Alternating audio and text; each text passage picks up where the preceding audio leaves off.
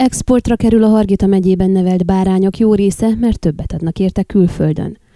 Kisebb felvásárlások ugyan voltak már, de nem szállították még el azokat a Hargita megyében nevelt bárányokat, amelyeket az Arab-félsziget térségében értékesítenek majd, így a Suezi csatornán múlt kedden kialakult hajózási válság nem érint ilyen állatszállítmányokat. A csatornát eltorlaszoló 200 ezer tonnás teherhajót hétfőn hajnalban tudták kiszabadítani, múlt heti elakadása miatt hajók százai vesztegeltek a csatorna két oldalán, köztük tíz olyan, amely Romániából szállított több mint százezer élő állatot, többnyire juhokat a térségbe. A természeti adottságok miatt Hargita megye az országos élvonalba tartozik a jútenyésztés tekintetében, de a természetes körülmények között itt nevelt állatokra külföldön, Görögországban, Olaszországban, az arab félszigeten is nagy a kereslet. Évente három felvásárlási időszak van, most húsvét előtt kezdődött el az első. Vittek el már Hargita megyéből is, de egyelőre hízlaldába kerültek, mert kis súlyú az állomány. Magyarázta lapunknak Balló István, a Hargita megyei Jútenyésztők Egyesületének az elnöke, aki szerint ennél fogva a hajózási válság nem érintette ezeket az állatszállítmányokat.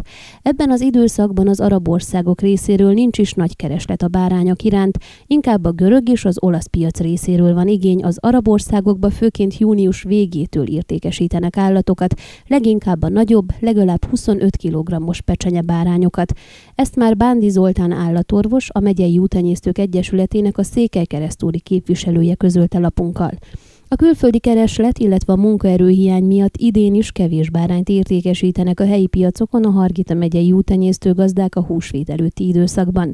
Amint azt Bándi Zoltán elmondta, nincs aki felje a juhokat, ezért a jútartók a bárányokat inkább csak nyár derekán ősszel adják el. Becslése szerint most a húsvéti időszakban legfeljebb a bárányállomány 20-25%-át vágják le, mint egy fele-fele arányban háztáji körülmények között, illetve vágópontokon. Már nem szívesen vágják le a bárányokat ebben az időszakban a tenyésztők, inkább később értékesítik azokat, erősítette meg Balló István is, és ennek a főbb okai közt van az is, hogy külföldre drágábban lehet eladni.